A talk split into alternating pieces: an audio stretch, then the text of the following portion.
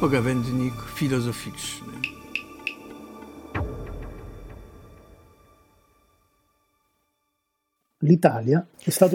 Włochy były pierwszym krajem europejskim, który został dotknięty przez epidemię koronawirusa i który zastosował środki zapobiegawcze dla powstrzymania rozpowszechniania się zarazy. Niektóre obszary Italii, zwłaszcza północne, ucierpiały najbardziej. Sytuacja tam wciąż jest trudna. Natomiast obecnie, w pozostałej części kraju, stan rzeczy jest mniej poważny i pozostaje pod większą kontrolą. W ostatnich dniach dane na temat osób zakażonych i hospitalizowanych zdają się wskazywać na zahamowanie rozprzestrzeniania się epidemii i pojawiają się dyskusje, w jaki sposób i kiedy będzie można rozpocząć stopniowe przywracanie aktywności gospodarczej we Włoszech. Nella sua eccezionalità e nella sua gravità per le morti e le sofferenze che provoca, questa situazione rappresenta non solo Nadzwyczajny charakter i powaga zaistniałej sytuacji, z uwagi na liczbę zgonów i powodowane cierpienia, stanowi nie tylko codzienne wyzwanie w życiu osobistym oraz funkcjonowaniu społeczeństwa, ale staje się też wyzwaniem dla myślenia. Wyzwanie to jest interesujące zwłaszcza dla kogoś, kto czyni z refleksji filozoficznej swój zawód. W moim krótkim wystąpieniu chciałbym podjąć się próby przedstawienia kilku refleksji z punktu widzenia kogoś, kto uprawia filozofię zawodowo, pracując jako badacz i profesor uniwersytecki. Rzecz jasna, niniejsza refleksja ma charakter całkowicie osobisty i nie rości sobie prawa do przedstawienia sprawy w sposób kompletny i całościowy oraz w sposób szczególnie oryginalny co do przedstawianych poglądów. Più specificamente vorrei sviluppare alcune riflessioni rispetto a tre diversi ambiti che sono toccati dall'epidemia. Dokładniej rzecz ujmując, chciałbym wysnuć kilka refleksji na temat trzech różnych obszarów, których problem epidemii dotyka w obrębie których pojawiają się interesujące i pobudzające do myślenia zachęty dla kogoś, kto ma to szczęście, że uprawia filozofię zawodowo. Niniejsze rozważania powstały w szczególnym włoskim kontekście. Możliwe, że ich znaczenie może mieć charakter bardziej powszechny, ale z pewnością przemyślenia te wyrastają z doświadczenia konkretnej osoby, obywatela Włoch i Unii Europejskiej, który wykłada filozofię moralności na Uniwersytecie Rzymskim La Sapienza. Pierwszy obszar to ten związany z nauczaniem akademickim. Drugi stanowi refleksja filozoficzna w debacie publicznej społeczeństwa demokratycznego. Wreszcie trzeci to ten związany z życiem osobistym, czyli rolą, jaką może pełnić refleksja filozoficzna w życiu osobistym w obecnych okolicznościach. E. We Włoszech zajęcia dydaktyczne na uniwersytecie oraz na każdym innym szczeblu edukacji zostały zawieszone 5 marca. Edukacja to pierwszy sektor, którego działalność została zawieszona w całości. Działalność pozostałych została wstrzymana w kolejnych dniach. Na początku marca na uniwersytetach rozpoczął się drugi semestr, a nauczyciele akademiccy zdołali do tego momentu poprowadzić niewiele zajęć lub nie zdążyli poprowadzić ich wcale. Do momentu zawieszenia ja sam zdołałem przyprowadzić zaledwie jedne zajęcia z dwóch kursów, które realizuję w drugim semestrze. W przeciągu zaledwie kilku dni wszystkie uniwersytety przeorganizowały się tak, by móc kontynuować nauczanie w sposób zdalny, udostępniając lekcje w formie nagrań, materiałów oraz zajęć na żywo. Dla wielu nauczycieli akademickich było to całkowicie nowe doświadczenie. Pomijając pojedyncze przypadki, na włoskich uniwersytetach nauczanie zdalne nie było dotąd powszechne. Na wydziałach humanistycznych taki sposób nauczania jest właściwie niemal niespotykany. Obecna sytuacja jest w swojej istocie swego rodzaju przymusowym eksperymentem, który pozwala nam przetestować narzędzia nauczania online i zweryfikować tym samym to, czy są one właściwe do nauczania filozofii. Ovviamente ancora troppo presto per trarre. Rzecz jasna, za wcześnie jeszcze na wyciąganie jakichkolwiek wniosków, choćby prowizorycznych, na ten temat. Osobiście pozwolę sobie poczynić pewną ogólną obserwację, która rodzi się z refleksji sprzed epidemicznego doświadczenia, a która dzisiejsza sytuacja zdaje się potwierdzać. Niezależnie od potencjalnych korzyści płynących z edukacji zdalnej, nauczanie filozofii nie może obyć się bez osobistej relacji na żywo oraz bez fizycznej przestrzeni współdzielonej przez nauczyciela i uczniów. W mojej opinii istnieje wiele przemawiających za tym argumentów. Ograniczę się tu do przytoczenia dwóch. Przede wszystkim zachodzi wielka różnica między tym, co zostaje powiedziane w realnej auli, a tym, co zostaje powiedziane w auli wirtualnej.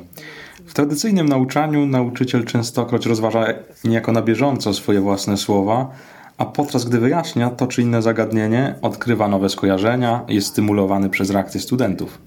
W nauczaniu zdalnym wszystko to ulega drastycznej redukcji lub całkowicie zanika. Filozofia jest zdyscyplinowanym i rygorystycznym ćwiczeniem myśli, a nauczyciel w auli nie tylko komunikuje treści, lecz także przekazuje pewną metodę i sposób prowadzenia refleksji. Ekran umożliwia przekazanie informacji, ale za jego pomocą przychodzi z trudnością zademonstrowanie wzorca tego, jak myśleć, który nauczyciel filozofii może przekazać w realnej auli, wchodząc w relacje ze studentami z krwi i kości. Poza tym cielesność, fizyczność stanowi drugi argument moich obiekcji co do zdalnego nauczania filozofii. Nauczanie jest, przynajmniej dla mnie, przyjemnością, czymś, co daje radość. Emocje te stanowią część nauczania i są przekazywane równocześnie z tym, czego nauczam, nadają żywy kolory treści zajęć, a przynajmniej mam taką nadzieję. Ów aspekt tej specyficznej formy komunikacji, jaką jest nauczanie, ściśle wiąże się z faktem, że jako ludzie jesteśmy zwierzętami społecznymi i tworzą nas relacje z innymi. Relacje zaś tworzone są przez empatyczne współdzielenie uczuć i emocji. Nauczanie filozofii nie jest wyjątkiem. Również ten typ nauczania tworzony jest przez cielesność, aspekt kontaktu fizycznego, emocji, relacji. W edukacji zdalnej także ten wymiar kontaktu fizycznego i wzajemnego odniesienia zaciera się, jeśli nie zanika całkowicie. Tak jak powiedziałem, jest wcześnie na wyciąganie wniosków, ale z pewnością w moim osobistym doświadczeniu tych aspektów nauczania bardzo teraz brakuje. Il secondo tema di cui vorrei parlare a proposito della mia esperienza di professore di filosofia nell'attuale situazione Drugi temat, który chciałbym poruszyć, wiąże się z moim doświadczeniem bycia wykładowcą filozofii w aktualnej sytuacji we Włoszech, a która to wiąże się z rolą, jaką refleksja filozoficzna może odegrać w debacie publicznej. Społeczna kwarantanna, którą zarządził rząd, jest właściwie największym zawieszeniem wolności osobistej, jakie Włochy doświadczyły od narodzin Republiki Włoskiej, na krótko po zakończeniu II wojny światowej. Swobody gwarantowane przez konstytucję, jak wolność przemieszczania się, są de facto zawieszone dla ograniczenia rozprzestrzeniania się epidemii. Środki przedsięwzięte przez rząd są uzasadnione z punktu widzenia prawnego i konstytucyjnego jako tymczasowe i podyktowane stanem wyjątkowym. Niemniej jednak, tak naprawdę, nawet jeśli wprowadzenie ograniczeń było czymś uzasadnionym, to stanowi ona pewną anomalię w życiu w kraju państwa demokratycznego i liberalnego, jakim są Włochy. Jest to anomalia, ponieważ zmuszano obywateli do takiej formy życia, która stoi w sprzeczności z zasadami wolności i demokracji, które na co dzień rządzą naszym społeczeństwem.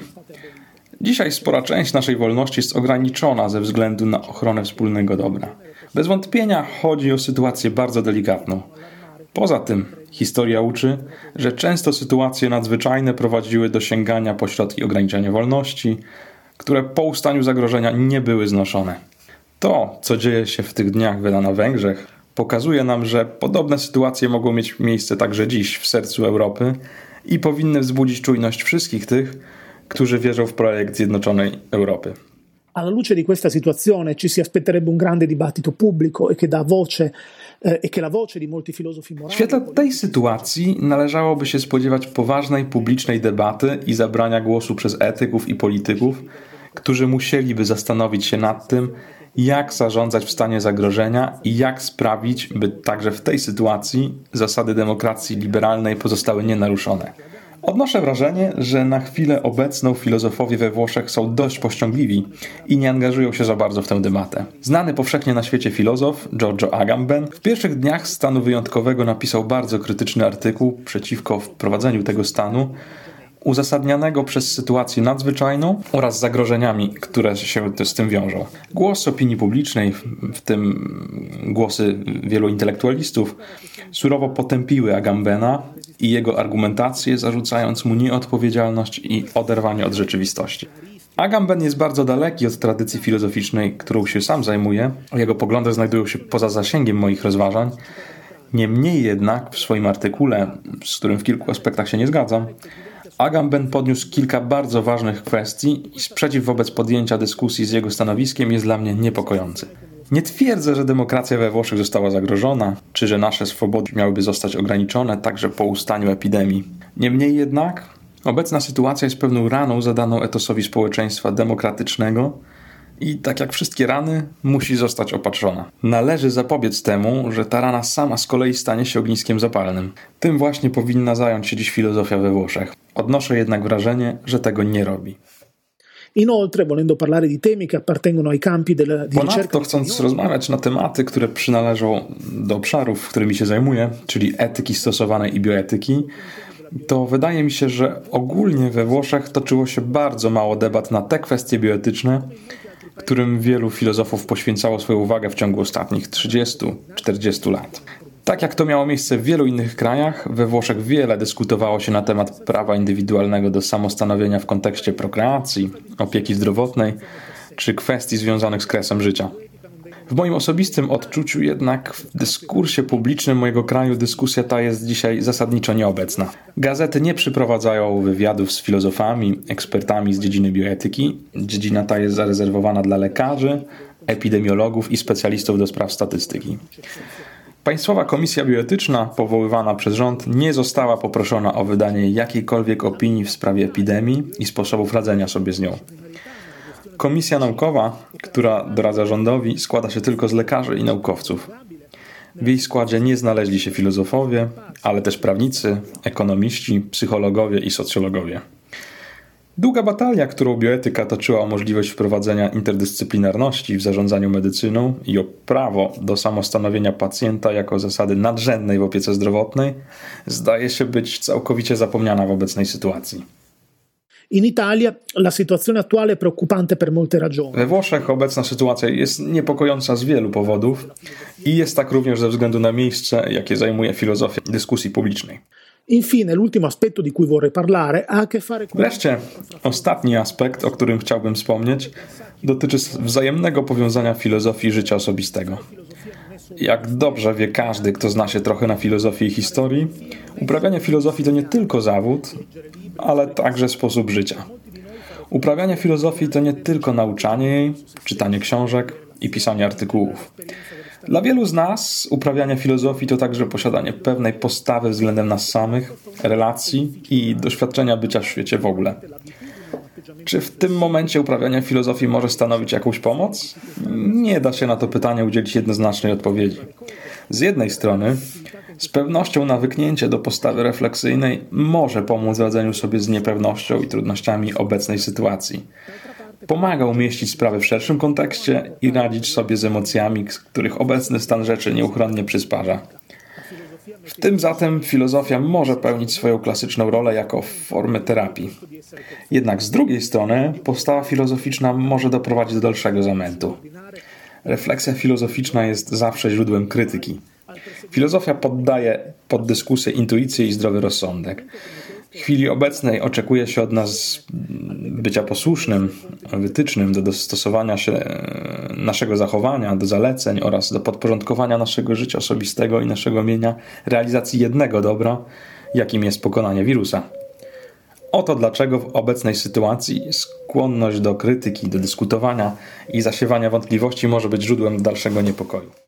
Questo disagio filosofico, fortunatamente, almeno per chi scrive, Całe szczęście, że ów filozoficzny niepokój, przynajmniej z mojego punktu widzenia, może doznać ukojenia dzięki poczuciu więzi z innymi, nawet jeśli obecnie można pielęgnować je jedynie przez telefon albo Skype, przez szczęście płynące z życiem w przymusowym zamknięciu z ukochaną osobą, a także z pełnym energii do zabawy szczęśliwym psem. Dlatego z całą pewnością sytuacja ta, w całej swojej specyfice i niecodzienności, pomaga zrozumieć ważne znaczenie filozofii, ale także i ograniczenia. By móc nadać życiu znaczenie, oprócz filozofii niezbędne są być może przede wszystkim relacje i więzi. Ed è sempre bene ricordare le parole del caro vecchio David Hume: Be a philosopher, but amidst all your philosophy, be still a man. Zawsze warto mieć w pamięci słowa starego, dobrego Davida Hume'a. Bądź filozofem, lecz przy całej swojej filozofii bądź także człowiekiem.